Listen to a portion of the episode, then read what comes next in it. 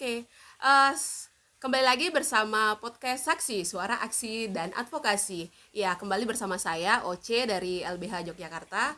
Eh, malam hari ini sudah ada bersama saya Ibu eh, Sinta dari pesantren Al-Fatah. Oke, mungkin eh, lebih jelasnya mungkin Ibu Sinta bisa memperkenalkan diri dulu gitu. Baik. eh, Ibu Sinta. Terima kasih Kak Oce. Assalamualaikum warahmatullahi wabarakatuh. Um, perkenalkan saya eh, Sinta Ratri. Saya tinggal di eh, Jagalan Banguntapan Bantul dan eh, di sini saya sebagai ketua Pondok Pesantren Waria Al-Fatah Yogyakarta. Eh, kami berdiri sudah sejak tahun 2008 eh, di mana eh, kenapa kami eh, memberikan eh, ruang nyaman untuk kawan-kawan waria beribadah itu? Karena eh, ketika kawan-kawan waria em, sholat di ruang publik di masjid gitu eh, di sana kemudian terjadi ketidaknyamanan. Baik itu yang tidak nyaman kami ataupun yang tidak nyaman jemaah yang lain. Maka kemudian eh, yang terjadi kebanyakan kawan-kawan waria itu eh, sholat sendiri-sendiri di rumah. Nah inilah kenapa kami menyediakan ruang nyaman untuk eh, waria melakukan ibadah untuk eh, belajar agama dan diskusi eh, bagaimana penerimaan Islam terhadap waria. Itu yang yang eh, kegiatan yang paling utama di sini. Nah, kami disupport oleh eh, beberapa institusi Ya. eh, Islam seperti Nahdlatul Ulama. Kami punya kerjasama dengan eh, Fatayat eh, NU DIY, lalu dengan eh, UIN Sunan Kalijaga, Fakultas Usuluddin, juga dengan eh, beberapa lembaga eh, universitas seperti UKDW, kemudian eh, apa Visipol, UGM, lalu Fakultas Psikologi eh, UST. Nah, eh, di situlah kami eh, melakukan pendampingan-pendampingan terhadap eh, apa kegiatan-kegiatan eh, yang dilakukan di komunitas eh, Waria di Yogyakarta. Gitu. Mbak Berarti eh, banyak ya kegiatan-kegiatan yang dilakukan sama teman-teman di Iya. sini ya Bu ya. Iya, jadi eh, kemudian kami tidak melulu eh, berkegiatan eh, apa di ranah agama saja. Eh, kemudian kami melakukan pemberdayaan buat kawan-kawan eh, waria. Kemudian kami melakukan eh, audiensi dengan pemerintah, dengan apa pemangku kebijakan, sehingga kami mempunyai apa ya? mempunyai keadaan yang lebih baik artinya penerimaan waria ini menjadi lebih eh, lebih eh, terbuka Iya, terhadap terbuka komunitas Iya, waria iya. Jadi bisa eh, mempengaruhi juga ya pandangan publik terhadap eh, teman-teman waria ini sendiri Iya, ya benar ya Bu ya. iya, iya. Memang tujuan kami seperti itu. Jadi kami punya tiga tiga hal yang kita lakukan. Hmm, ya. Jadi kami mendidik kawan-kawan waria itu tentang eh, beribadah, kemudian tentang eh, kemasyarakatan. Kemudian yang kedua kami mendidik masyarakat. Sup- eh, untuk mereka itu tahu eh, waria itu siapa, mengapa, kenapa gitu. Terus yang ketiga kami me- mengadvokasi pemerintah supaya eh, pemerintah ini memberikan hak yang sama kepada eh, waria sebagaimana eh, warga negara yang lain gitu. Oke, berarti memang teman-teman ini ya pesantren ini juga eh, punya jaringan ya banyak ya, bukan Iya. hanya eh, sosial tapi juga dengan akademisi dengan Akademisi iya kan banyak dengan sekali. ulama. Oh iya, benar. Iya, gitu. Jadi kegiatannya bukan hanya eh, ini ya teman-teman ya. Jadi tem- kegiatannya bukan hanya soal eh, agama saja, tapi juga tentang eh, sosial, bagaimana penerimaan eh, publik atas teman-teman waria ini Iya. sendiri begitu ya bu. pendidikan. Iya pendidikan Iya, gitu ya. Iya. Iya. Benar sekali. Eh, mungkin ini ya kita flashback ke belakang lagi eh, lihat kejadian pada tahun 2016 itu ya bu Oh, ya. iya. Nah, Oh. mungkin bisa cerita sedikit bagaimana teman-teman bisa bangkit begitu sampai Oh, saat ini gitu. iya. Jadi kejadian itu eh, sesungguhnya dipicu oleh ketidak apa ya kesalahpahaman. Jadi pada waktu itu eh, Universitas Islam Negeri eh, Sunan Kalijaga itu di Fakultas Hukum dan Syariah itu Iya. punya apa? Punya program eh, tentang eh, fikihnya eh, kaum margin eh, kaum apa namanya? kaum marginal. Mm-mm. Nah, salah satunya itu eh, di samping eh, disabilitas, kemudian para musafir. Nah, eh, sa- sa- salah satunya kawan-kawan waria. Nah, di situlah kemudian eh, ketika itu kan suasana apa ya? Suasana sedang eh, dipenuhi dengan kebencian oleh LGBT yang memang eh, di- dibuat sedemikian rupa. Iya, iya, Jadi iya, iya. kemudian berita ini diputar balikkan seolah-olah kami yang ingin membuat fikih itu sendiri. Kami ingin padahal yang sebenarnya adalah bagaimana mungkin kami ini hanya belajar orang yang belajar agama eh, dari sekian banyak saja hanya 10 orang yang bisa membaca Al-Qur'an. Kenapa bisa kemudian di- di- disangka kami ini mau membuat fikih sendiri tentang waria itu?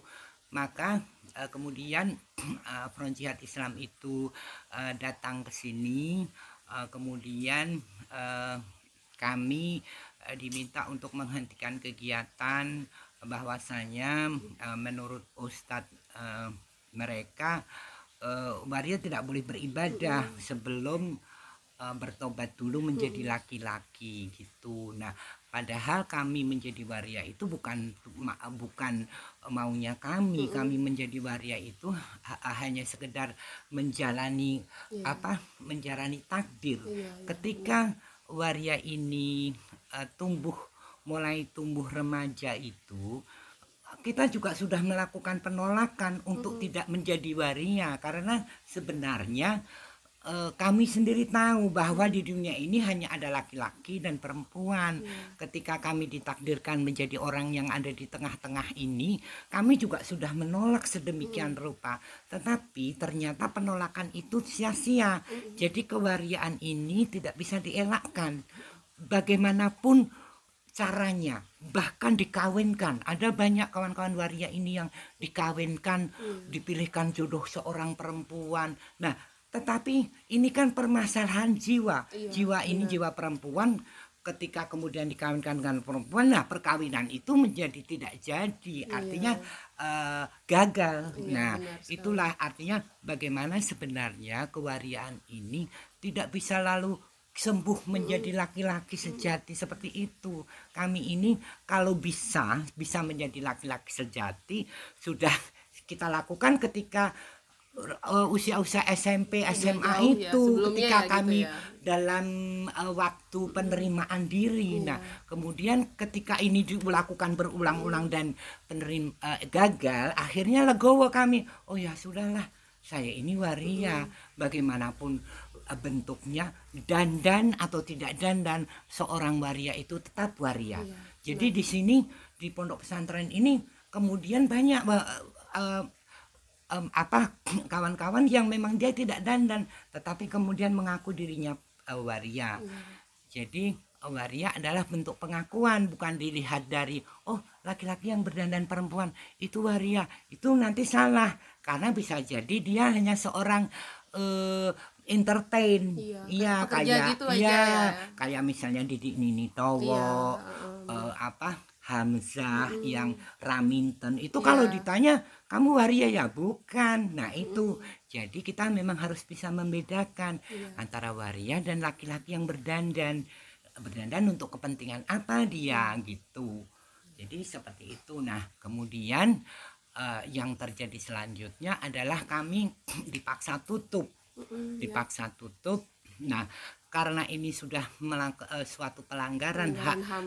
kebebasan beragama untuk komunitas waria kami kemudian berupaya bagaimana supaya kami mendapatkan dukungan Iya. kami ke LBH pertama kali waktu Iya. dulu sesudah LBH kami dibantu PKBI kami kemudian melaporkan eh, dibantu ANBTI Aliansi Nasional Bhinneka Tunggal Ika itu eh, lapor ke Komnas Perempuan lalu ke Komnas HAM. Nah di sinilah kami eh, mendapat bantuan secara eh, baik eh, lokal maupun kemudian nasional. Bahkan secara tidak dinyana-nyana bantuan itu datang dari internasional juga dari kelompok-kelompok eh, pembela HAM dari New York, dari Eropa gitu. Kemudian eh, memberikan bahkan dari eh, proteksi internasional itu kami dapat eh, pelatihan tentang eh, security system iya. kemudian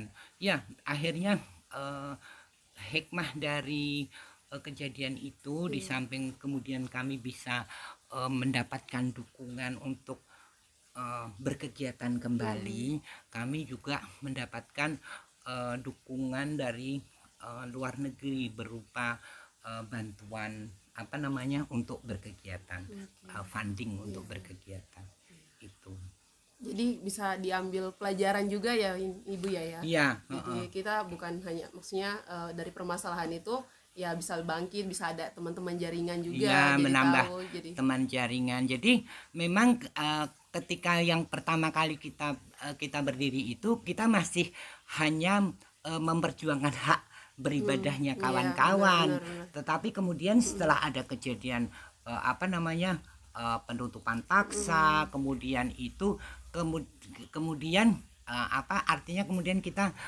em, mengembangkan perjuangan itu menjadi perjuangan hak asasi manusia itu. Eh, mungkin ini aku mau nanya eh, untuk teman-teman waria kalau mungkin dalam eh, lagi eh, melakukan pekerjaannya di luar itu kalau mereka beribadah di tempat umum gitu gimana Bu Ya, biasanya? eh, biasanya mereka ini eh, di sana ketika beribadah itu kemudian banyak ketidaknyamannya itu macam-macam. Iya. Ada yang kemudian dibisik-bisik orang, ada yang kemudian salaman tidak mau karena takut batal wudhunya.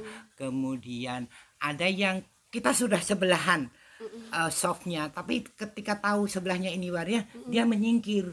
Nah itu itu banyak hal-hal seperti itu yang- kemudian mendorong kawan-kawan waria ini lebih nyaman eh, sholat sendiri di rumah gitu. Nah, memang kemudian di sinilah kami eh, di ketika kemudian berada di pondok pesantren ini kawan-kawan bisa kemudian merasa bahwa eh, sebetulnya apa namanya kita punya hak yang sama di dalam eh, meraih cinta kepada Allah Iya. gitu.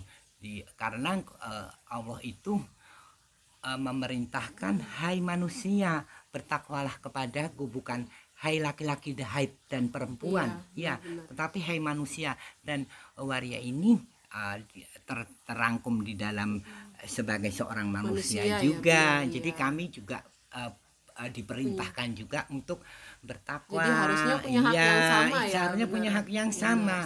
Iya, dan inilah yang kemudian sangat miris ketika kemudian eh, waria ini sudah didiskriminasi di jalanan, Iya. di dalam lapangan pekerjaan, eh, kemudian eh, di dalam layanan pemerintah. Nah, terlebih-lebih lagi ketika kami mau melakukan ibadah masih mendapatkan apa ya kesulitan bahkan mendapatkan eh, peristiwa-peristiwa seperti itu. Iya. artinya kemudian alangkah banyaknya eh, tekanan-tekanan yang diterima waria. Hanya karena kami ini waria. Padahal kami menjadi waria itu bukan maunya kami. Iya itu. Bagaimana kemudian kami ini eh, apa namanya eh, dipandang sebelah mata bahkan dia dibuat bahan ejekan bahan olok-olok kemudian eh, apa tidak ada lapangan pekerjaan buat kawan-kawan waria nah eh, di situlah kami berharap kepada eh, masyarakat bahwa waria itu juga manusia yang punya hak yang sama. Kita eh, hidup di dalam apa di dalam eh, ruang yang sama sebagai warga negara yang sama. Janganlah eh, menyakiti orang hati orang lain.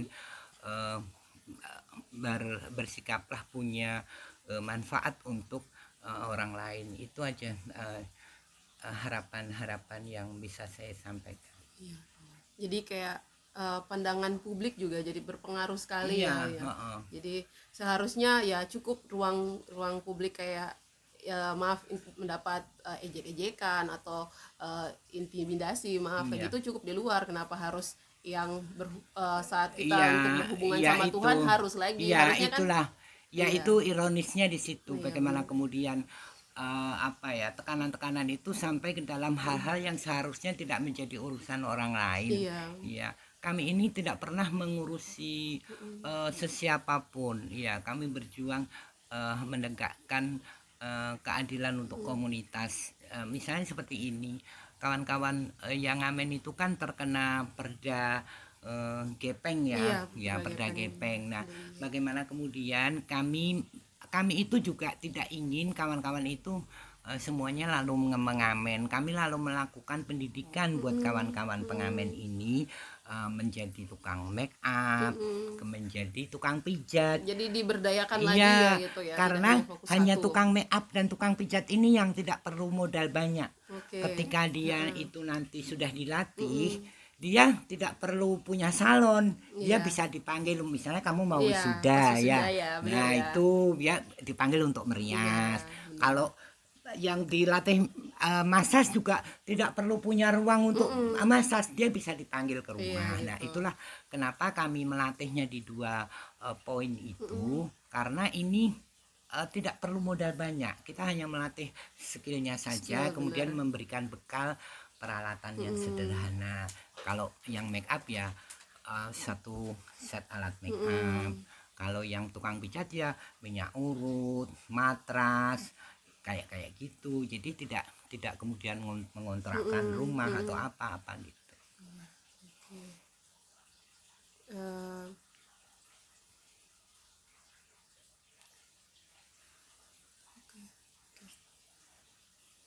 Dulu. Eh, ada kisah menarik nggak dari kawan-kawan dalam menemukan pengalaman spiritual di sini gitu? Eh, oh banyak.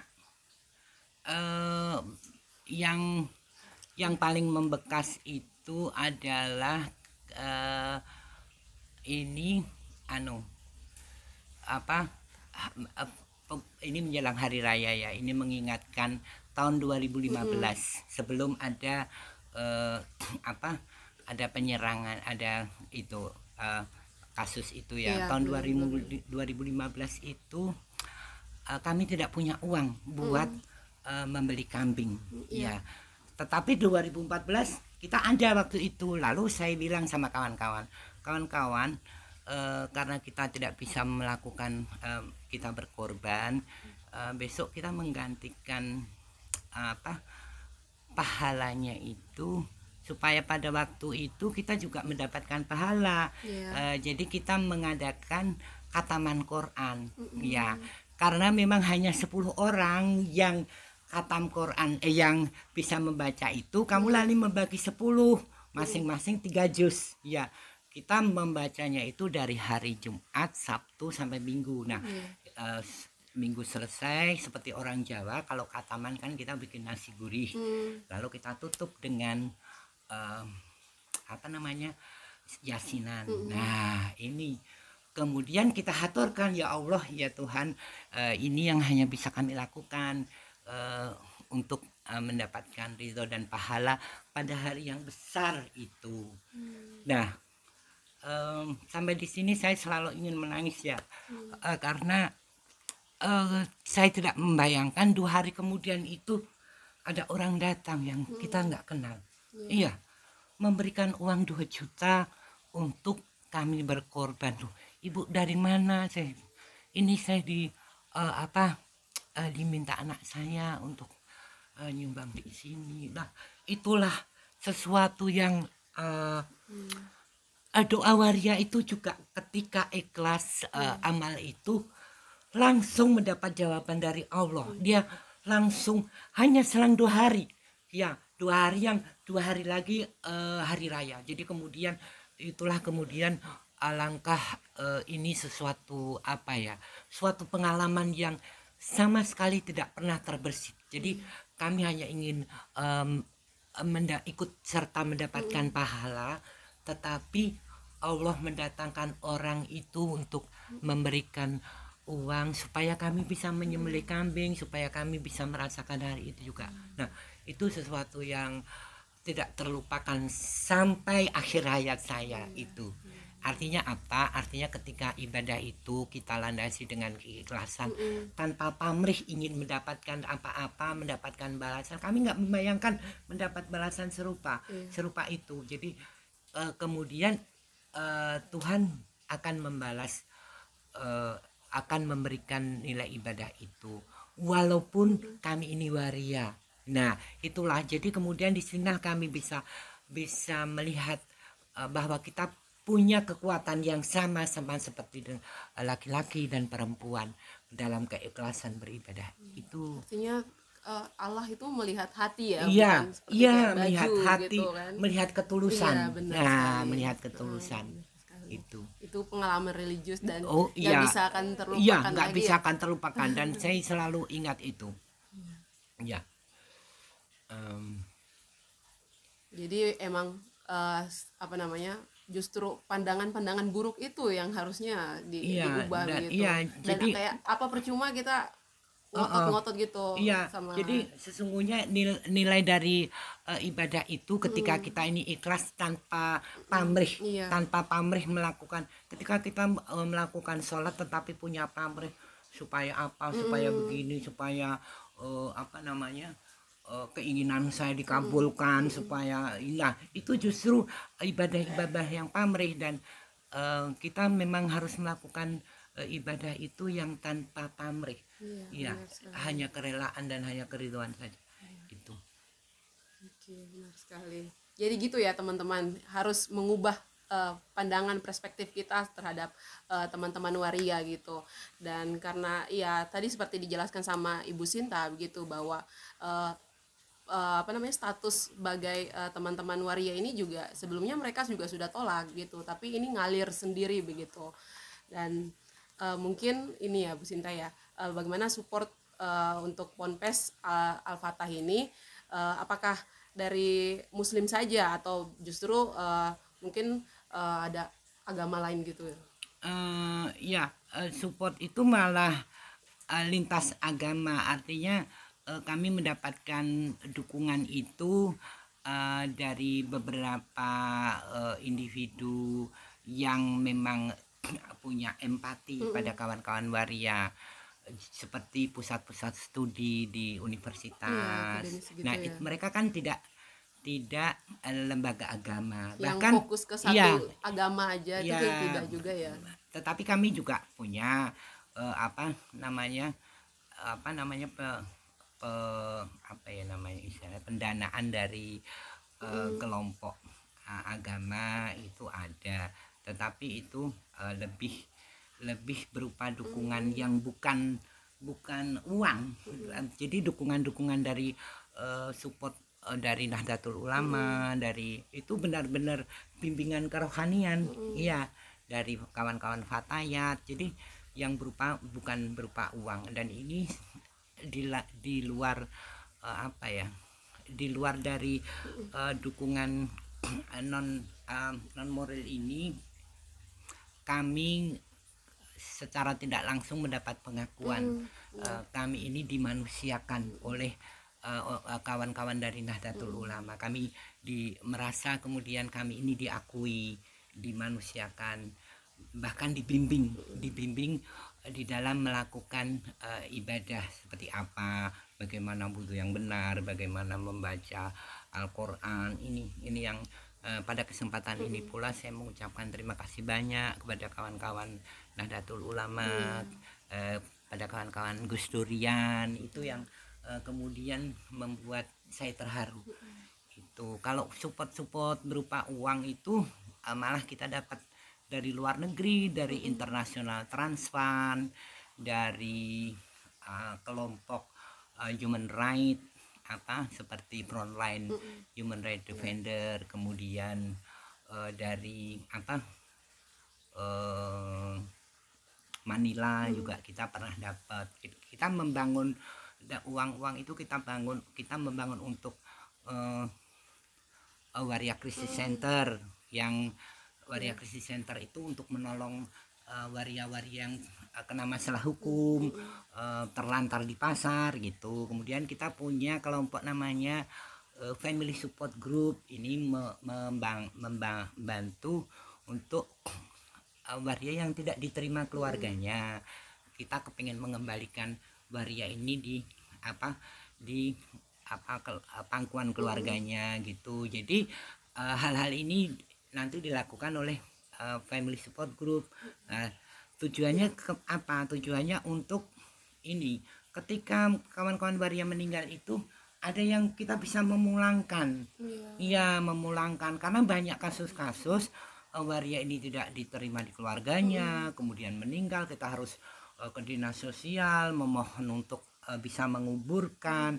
Nah kasus-kasus apa kematian waria ini juga masih menjadi banyak PR buat kami. Karena dinas sosial juga tidak sewaktu-waktu punya eh, apa ya bisa mengizinkan untuk penguburan. Jadi kami terpaksa juga punya link dengan Hafara. Hafara itu salah satu kelompok eh, untuk duafa dan eh, apa namanya eh, tunawisma itu. Jadi kami juga ada ada lima lima eh, waria yang di dimakamkan di Hafara itu. Eh, kemudian kalau di eh, tanah dinas sosial itu kira-kira ada 13 orang. Jadi kebijakan pemerintah ini juga nggak berlaku dari masih hidup ya sampai Iya, kita sampai Iya, teman-teman jadi waria kesulitan juga waria ini juga, waduh kemarin itu sampai uh, waria ditolak, Uh, kita ke dinas sosial uh, Sleman ditolak, ke dinas sosial kota ditolak, sedang lobby ke dinas provinsi. Iya. Nah, lagi lobby kebetulan akhirnya mendapatkan uh, telepon keluarganya dan ternyata keluarganya bisa menerima. Nah, itu. Jadi uh, kesulitan waria itu betul seperti kamu bilang tidak hanya ketika dia masih hidup masih menjalankan ke- bahkan sampai meninggal pun Masih jadi- eh, komunitas itu harus apa ya berjibaku untuk eh, untuk menyelesaikannya itu yang em, kemudian masih mendapat PR bahkan kemarin itu sempat tercetus wah sebetulnya ini kawan waria ini harus punya lahan sendiri untuk penguburan karena betapa susah sampai dua hari loh mbak itu miris sekali sih Iya, sudah gitu ya. meninggal. Paginya masih hana ini ini mau dimakamkan di mana nggak ada tempat yang bisa dimakamkan. Ada yang mau tapi bayar 7 juta. Lah gimana kita nggak bisa. Akhirnya alhamdulillah sekali jam sudah menjelang malam itu bisa diterima keluarganya. Padahal itu sudah 24 jam lebih. Iya jadi memang ya itulah eh, apa ya eh, itulah dunia waria eh, yang sebetulnya ini juga tanggung jawabnya negara. Eh, jelas masyarakat juga harus memahami bahwa waria juga ketika meninggal pun kita sangat kesulitan ya kesulitan. Alhamdulillahnya itu kalau ada waria yang kemudian diterima di keluarga tadi ketika meninggal kita tinggal mengirimkan kembali ke, ke keluarganya itu itulah kenapa kami punya eh, kelompok itu tadi eh, dukungan keluarga kelompok Oke, Eh, ini ya. Tadi kan Bu Sinta juga eh, sempat bilang banyak sekali teman-teman jaringan dari teman-teman ak- akademisi dan juga teman-teman sosial. Iya. Mungkin berarti ini juga tidak hanya ini ya eh, Muslim saja. Berarti Oh, iya. agama-agama lain juga Iya, ada ya teman-teman. Ada. Itulah Oke. kenapa kita punya eh, MOU dengan UKDW karena kami dulu kami itu juga nggak kepikiran. Jadi karena memang beberapa kawan Kristen Katolik itu juga ada yang jadi anggota. Iya. Ya udah kalau mereka ikut kegiatan yang di luar ibadah gitu saja. Tapi lama-lama kok aduh kok nggak kayak nggak adil deh. Iya. Iya. Akhirnya eh, tahun 2018 tahun 2018 itu kami punya kerjasama dengan UKDW di mana kami eh, mengantarkan kawan-kawan sebulan sekali untuk eh, persekutuan doa di sana. Oke. iya di sana. Di di kapelnya UKDW jadi kawan ad- iya jadi setiap eh, hari Jumat minggu keempat itu kita mengantar 20 kawan-kawan Kristen dan Katolik itu untuk persekutuan doa. Nah, karena ini kemarin itu Covid itu Iya. akhirnya tidak ter, tidak kampus kan tutup. Nah, Iya. kami kebingungan. Mm-mm, benar. kami kebingungan akhirnya ya itu tadi eh, sesuatu itu ketika kita ba- akan melakukan sesuatu yang baik itu pasti ada jalan. Nah, ada tawaran kemudian dari seorang kawan itu untuk bagaimana kalau eh, dua minggu sekali itu diadakan persekutuan doa untuk kawan-kawan Kristen dan Katolik. Akhirnya dua minggu sekali dengan support dari eh, namanya Bu Ratna eh, sama Pak Selamat itu kami punya persekutuan doa keliling keliling kawan-kawan ini. Hari ini ke siapa? Hari ini di- ya di situlah. Kemudian kawan-kawan Kristen Katolik punya eh, apa namanya eh, kegiatan spiritual. Kita menamakan persekutuan doa eh, jalan terang. Eh, itu. Sampai sekarang eh, setiap minggu kedua sama minggu keempat hari Jumat Ya, itu seru ya.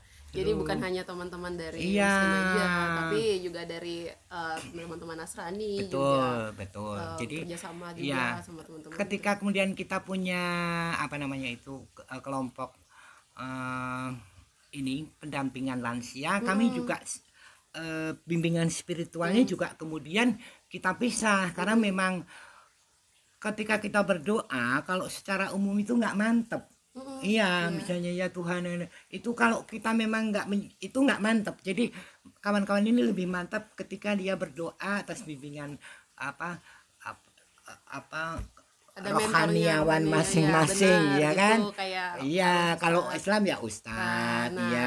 Nasrani Kalau mungkin pendeta, pendeta, gitu, atau iya. pastor gitu, Mm-mm. bener sekali. Nah itu Gitu. seru juga ya. Iya, Oke, berarti ini ya kegiatannya juga wah luar biasa. Saya iya, juga jadi alhamdulillah itu, itu. berkat apa ya? Bukan dukungan kawan-kawan, termasuk LBH LBH Hmm. itu selalu kita ajak ke mana-mana. Ya, eh, ada kesempatan apa Iya. pasti kita kita ajak. Kita eh, punya MOU itu tiga tahun nanti habis eh, Januari 22 Iya semuanya Do- Januari 22 itu eh, habisnya MOU nanti akan kita perbarui lagi Oke, em, oke mungkin ini lagi aku nanya lagi terkait ini ya, Bu Sinta ya, Eh, penerimaan eh, masyarakat sekitar di Oh, sini iya, sekarang mungkin gimana gitu terhadap Oh, pesantren gitu. oh bagus. Masyarakat di sini eh, sangat dulu memang karena itu tadi karena eh, FCI dulu eh, mereka bilang kalau kamu kalian menerima eh, ini azab Tuhan akan datang di Mm-mm. di sini gitu. Tapi sekarang lama-lama mereka kan juga bisa melihat apa yang kita lakukan untuk eh, apa namanya penduduk sekitar di sini. Sejak Covid itu kami juga nggak eh, selalu me, apa ya namanya menyisakan apa yang kita dapatkan. Artinya ketika kita dapat eh, sembako gitu juga berbagi kita gitu ya. membagikan kepada Oh, tetangga di sini. wah, gitu. seru. Sampai sekarang. Sampai Justru nggak mengganggu tapi membagi Iya. Nah, iya itu. artinya ya itulah tadi kita kita mendudukkan diri sebagai eh, kelompok yang bisa menjadi eh, manfaat buat komunitas yang lain itu. banyak ilmu nih yang kita dapat banyak cerita juga nih teman-teman saksi nah itu Uh, mungkin kita udah sampai di penghujung ya kayaknya tapi aduh kayak masih baru singkat aja ngomong gitu karena seru banget gitu. Banyak sekali pelajaran yang kita petik dari diskusi kali ini gitu. Dan mungkin berikut berikutnya bisa kita diskusi lagi ya Bu Sinta ya. Kayaknya Ya, teman-teman boleh. saksinya juga pengen nih mungkin masih tentang bagaimana lagi, perjuangan eh, memperjuangkan ini se- sebagai eh, seorang penyintas Mm-mm, hak asasi iya, manusia. benar Mungkin di lain waktu ya iya eh, tentang bagaimana kami di Sobat KBP itu melakukan advokasi gitu. Iya. Mungkin bisa tidak hanya saya, tapi Sobat KBP yang lain bisa kita bareng bersama-sama gitu. Karena eh, tujuan kami punya iya. Sobat KBP itu eh, ini diinisiasi oleh ANBTI dan di disupport penuh sama LBH. Nah tujuannya kalau kita bersama-sama advokasi ini akan lebih terdengar, Iya. akan lebih diperhatikan. Nah itu karena membawa suara lebih banyak. Itu. Jadi ketika kemudian ada kasus eh, KBP itu eh, biasanya kami lalu eh, diundang untuk membicarakan. Hari ini kita akan mengadvokasi misalnya yang terakhir itu itu pendirian apa ya kantor apa itu Oh, yang klasis di Ah, iya ya betul. kan? ya itu itu Iya, yang iya. terakhir itu yang terakhir klases itu ya. Sebetulnya juga sangat mengherankan bagaimana hal seperti itu saja Iya, dihalang-halangi kan? benar Iya, sekali. benar. oke mungkin ini kali ya eh, apa namanya saran gitu buat eh, khususnya ya kritikan gitu. Bukan kritikan sih lebih ke saran sih buat eh, apa namanya publik masyarakat gitu tentang eh, teman-teman waria gitu bahwa emang eh, kegiatan teman-teman waria tuh ya tidak mengganggu tapi eh, apa namanya religius kegiatan-kegiatan tentang agama Oh. tapi juga kegiatan-kegiatan sosial gitu yang eh, bagi teman-teman waria gitu mungkin bisa Iya, Saran Sinta. kalau saran saya itu eh, jangan melihat casing, Iya, ya. sekali. Kita jangan terbiasa melihat casing seseorang. Bis- Bisa saja seseorang itu terlihat eh, apa ya tidak rapi. Ternyata dia malah orang kaya raya. Kita Hmm. Iya. ya sama juga seorang waria. Seorang waria juga seperti itu. Eh, dia kadang-kadang dandan seronok seperti orang gila atau seperti orang yang eh, itu apa eh, orang nakal kayak gitu ya. Sebetulnya dia punya punya hal-hal yang eh, sangat baik sangat religius gitu. Hanya eh, dia tuntutannya dari sana. Tuntutan dia mau tidak mau harus apa ya artinya eh, dia ini harus berdandan su- dia oh, berdandan itu kita menyeimbangkan eh, jiwa. Ji- ketika jiwa perempuan itu kita ada dorongan untuk memakai busana perempuan berdandan itu.